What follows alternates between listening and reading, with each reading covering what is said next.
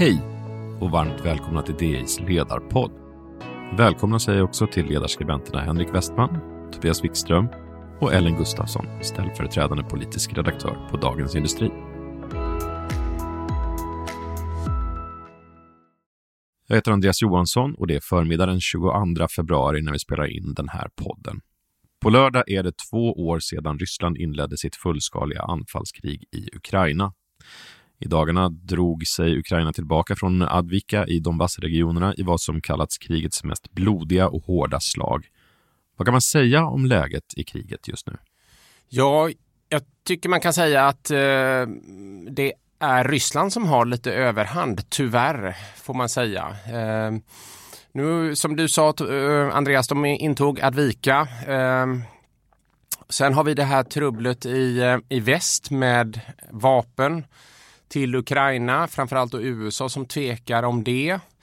Eh, och eh, går man lite längre tillbaka så får man ju säga att Ukrainas eh, då, ehm, sommaroffensiv som det fanns väldigt höga förväntningar på, den, den, den misslyckades ju. Så att just nu så skulle jag säga att eh, Putin känner nog lite vind i ryggen. Men å andra sidan, det är ett väldigt, väldigt statiskt krig nu och Ryssland och Rysslands väpnade styrkor imponerar ju inte. Så att eh, jag tror att det blir väldigt svårt för dem att göra några stora offensiva framsteg också. Sen ska man också säga att den, den lilla framgång då, om man säger så, som Ryssland nu hade i Advika, eh, där pratar man mycket om, om att det beror på vapenbrist som i sin tur då helt beror på, eh, på väst. Alltså att man faktiskt är för långsamma i att skicka det här stödet till, eh, till det ukrainska försvaret. Och eh, i helgen då så talade Zelensky på säkerhetskonferensen i München och lyfte fram just den här vapenbristen som ett problem på, på den ukrainska sidan och att det här då specifikt hade påverkat striderna i Advika. Eh, och vi ser ju ukrainska soldater som ransonerar vapen, eh, även i de fall där de vet att de hade kunnat använda det på ett framgångsrikt sätt. Eh, men de vill och inte använda upp all ammunition till exempel. Eh, för Ukraina så går det en granat per fem eller sju ryska granater. Eh, och det här har ju då bidragit till, till att det ändå har stått liksom förhållandevis still under ett tag. Eh, och det är väl det som är så frustrerande. Eh, både Eh, liksom för, för ukrainarna men, men även då eh, tycker ju många i, liksom i andra europeiska länder att, att eh, man, man vill se större framsteg men man skickar ju inte den materiell som hade behövts för att man, för att man faktiskt skulle kunna se det på den ukrainska sidan. Nej, och det, och det, är ju lite fascinerande överhuvudtaget efter två år när man tittar på Ukraina. Att det, det är liksom ett, ett, krig som är å ena sidan makalöst high tech och också low tech och påminner ju till sin statiska karaktär nu om, om till exempel första världskriget där man grävde ner sig. Och det gjorde ryssarna först och nu har också Ukraina gjort det. Samtidigt så har man då eh, drö, det här drönarkriget, man har eh, det här mobila internetet Starlink. Eh, det finns liksom en otrolig uppfinningsrikedom, inte minst på den ukrainska sidan. Du ser det i, i hur man bekämpar den här svarta havsflottan.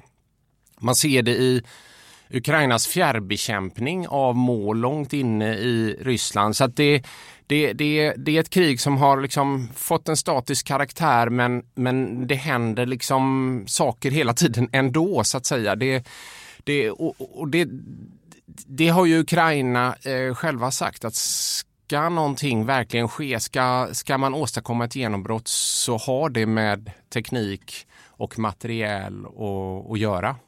Rysslands utrikesminister Sergej Lavrov befinner sig i Rio för ett G20-möte och där sa han Ryssland är öppet för en fredlig lösning på konflikten. Och så upprepade han påståendet att det är Ukraina som omöjliggör fred. Är fred mellan länderna möjlig? Alltså, vi har ju lärt oss någonstans i skolan att fred är ett mysigt ord, att det är, eh, att det är den bästa av tillvaror. Men fred kan ju vara en orättvis fred, Eh, det har ju historien många exempel på.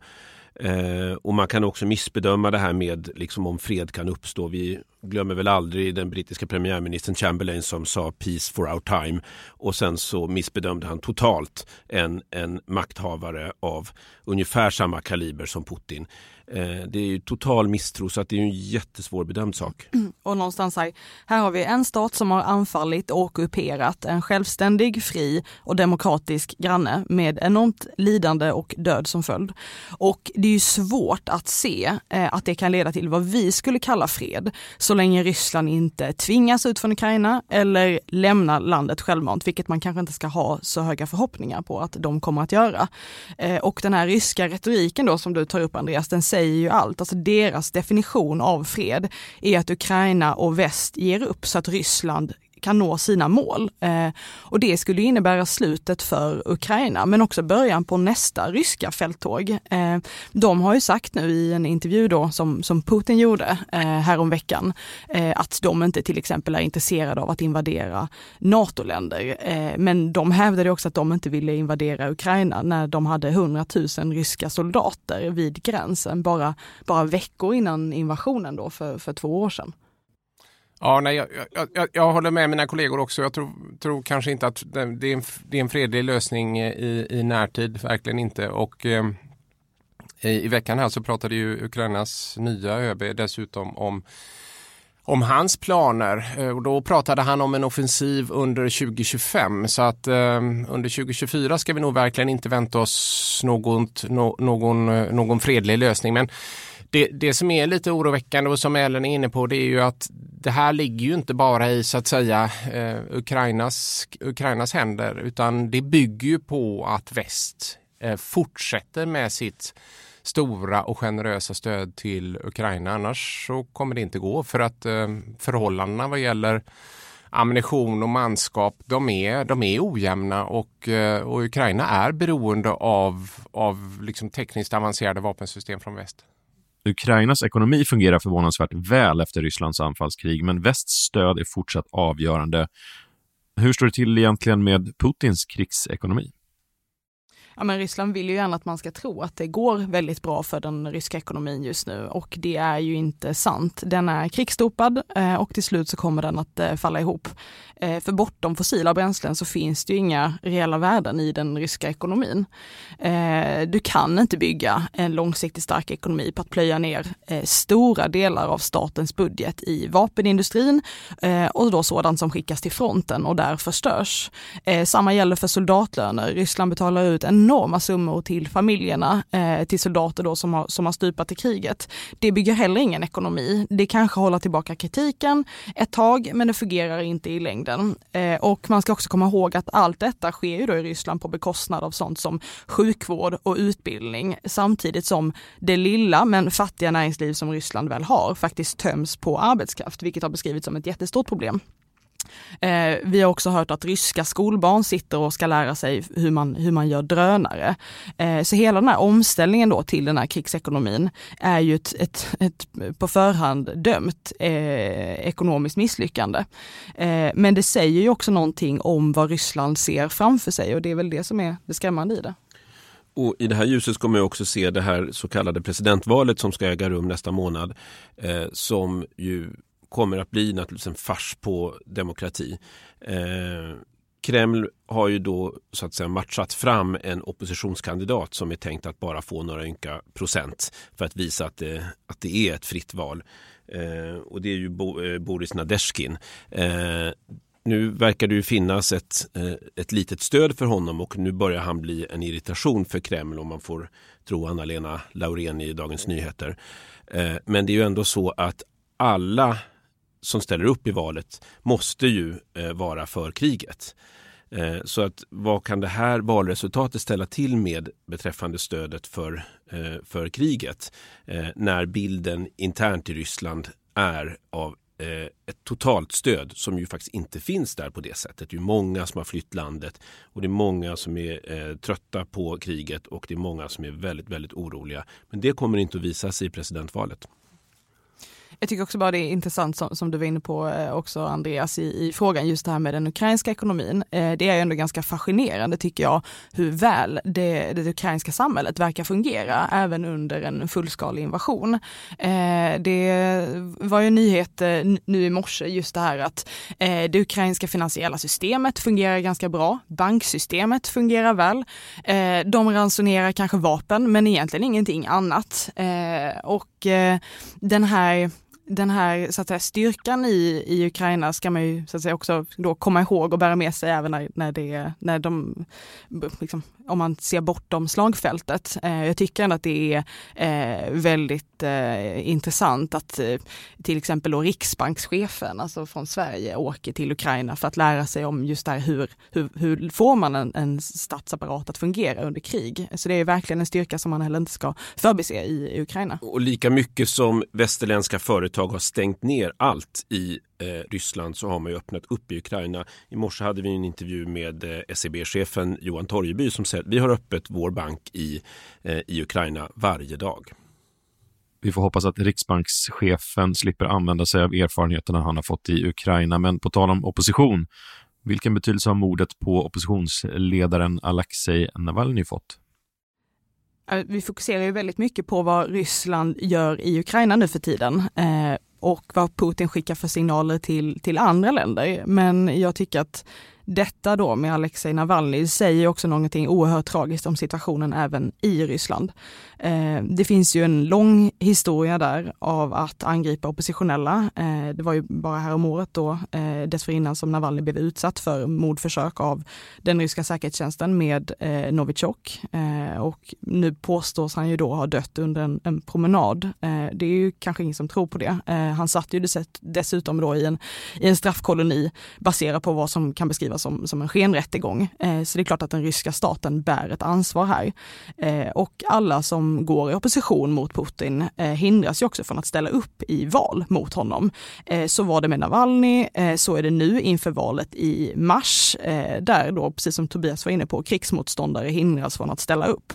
Eh, och vi ser folk eh, i Ryssland som grips, som döms till fängelse för att de uttrycker stöd eller på olika sätt sörjer Navalnys död. Eh, och vi har sett människor som på nätterna eh, sopar bort blommor från minnesplatser för att man inte ska se att det, det finns den här andra sidan av Ryssland.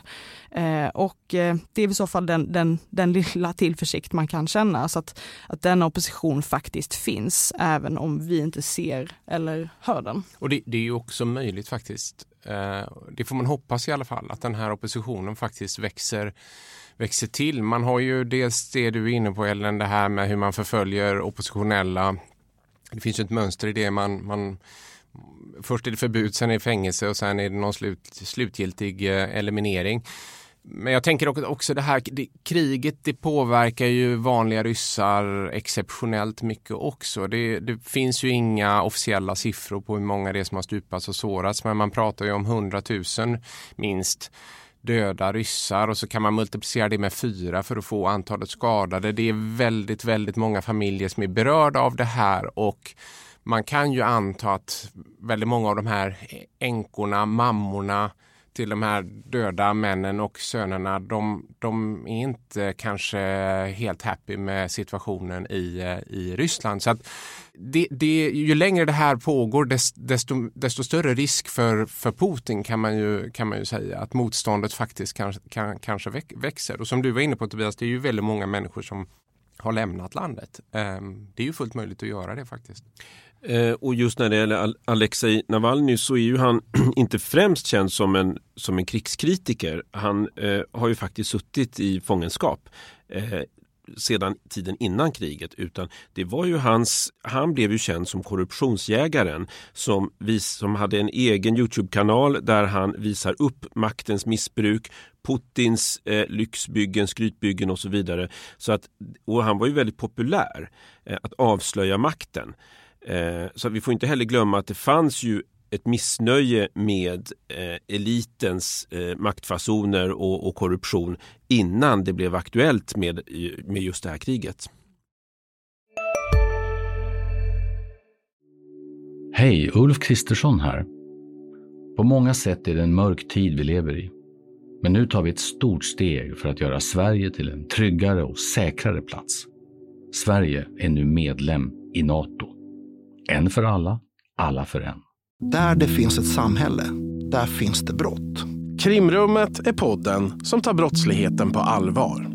Jag bjuder in landets ledande experter och tar upp aktuella rättegångsfall för att begripliggöra den kriminalitet som kryper allt närmare. Du, alltså, du kan knäcka ett eller några gäng, men det kommer komma nya och så kan vi knäcka dem sen. Men att du ska knäcka allt forever, det kommer aldrig ske. Det är infinite gain. Lyssna på Krimrummet, en podd från Expressen med mig Kim Malmgren.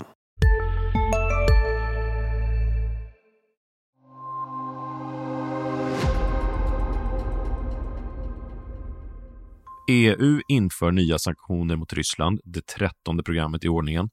Det träder i kraft på årsdagen, alltså på lördag den 24 februari. Vilken effekt har egentligen sanktionerna?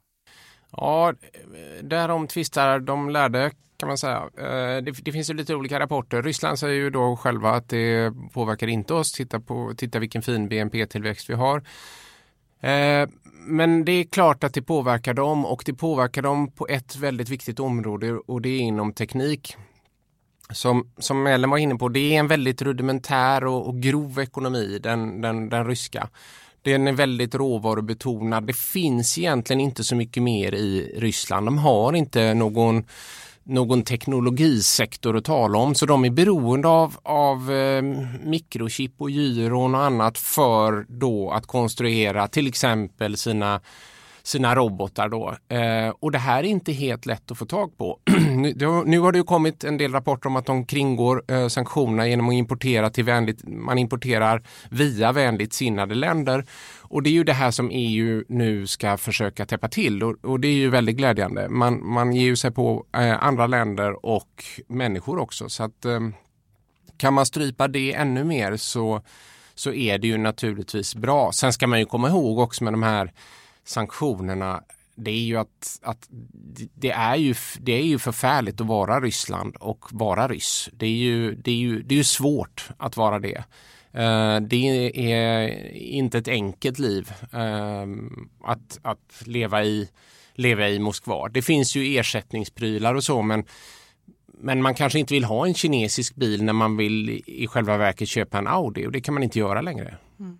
Nej, men det, det, är intressant. Själva sanktionerna har ju varit väldigt skarpa men man har ju sett under de här två åren att eh, man har, liksom, både från Rysslands och Europas håll får man ändå säga, lärt sig att anpassa sig efter det på olika sätt. Eh, och eh, just i fallet med Ryssland så, så märker man att de har vänt sig till, till andra länder, det är lite grann det Henrik är inne på.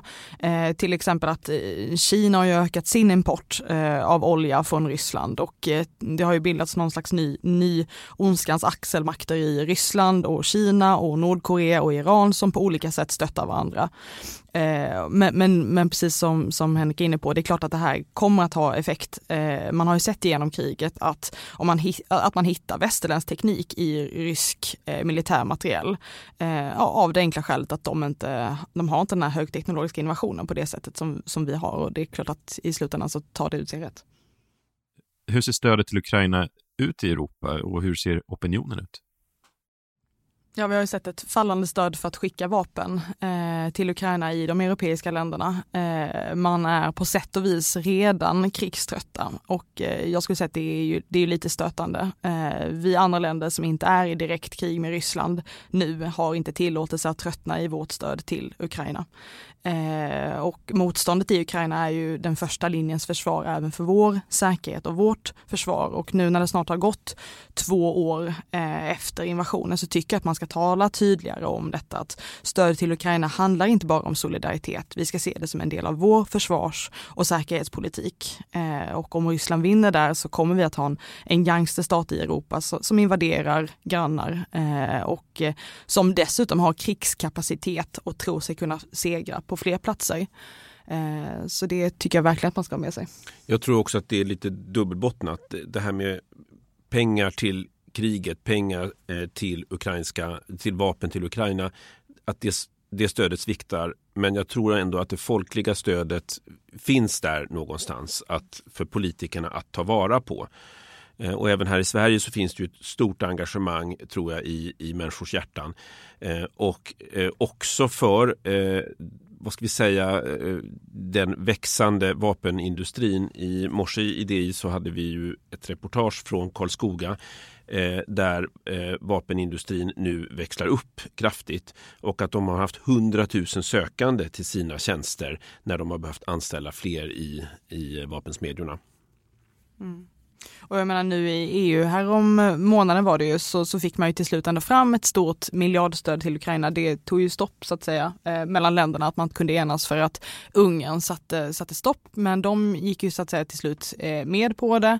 Eh, vi får se vad som händer i USA. Där har vi ju republikanerna som sätter eh, Amerika först och stoppar olika typer av stödpaket till Ukraina. Eh, men, men jag, jag, tror många just det här handlar om att man, man funderar på hur stödet till Ukraina kan påverka en själv. Eh, Eh, vi har ju sett i, i Polen nu i dagarna att man har någon slags gränsblockad mot, mot Ukraina för att man är arga då över billig spannmålsimport. Eh, så att det, det är klart att den här, den här typen av motsättningar ändå, ändå finns. Men, men jag håller nog ändå med att i grund och botten så är det klart att det är många som förstår att vi, vi, måste, vi måste hålla i det här stödet. Men, men det är liksom i den, eh, när det ska tillämpas i praktiken som man, man märker att det blir svårt. Sverige meddelar att man skickar ytterligare militärt stöd till Ukraina, det femtonde i ordningen, bland annat stridsbåt 90, robot 70, sjukvårdsutrustning och handgranater. Totalt har vi skickat stöd värt över 30 miljarder kronor. Räcker det eller borde vi göra mer? Eh, svaret är väl att man alltid borde göra mer eh, naturligtvis. Men, men jag, jag, tycker att det är, tittar man på det nu, det är nästan 30 miljarder kronor i försvarsmateriel som, som Sverige har skänkt och eh, eh, det är inte länge sedan då det motsvarade en hel, en hel försvarsbudget. Så att eh, Eh, och, och, jag tycker också att det finns en, eh, det, det, det, är ingen tvekan om att regeringen eh, står upp och står bakom Ukraina och är beredda att göra mycket. Och det är ju väldigt bra system som vi dessutom har skänkt till, till Ukraina. Hej, Synoptik här. Hos oss får du hjälp med att ta hand om din ögonhälsa. Med vår synundersökning kan vi upptäcka både synförändringar och tecken på vanliga ögonsjukdomar. Boka tid på synoptik.se. Tack Ellen, Tobias och Henrik. Missa för allt i världen inte våra andra poddar, Digitalpodden, Makrorådet, Analyspodden och Stormens öga. Ansvarig utgivare är Peter Fällman och vi hörs igen nästa vecka.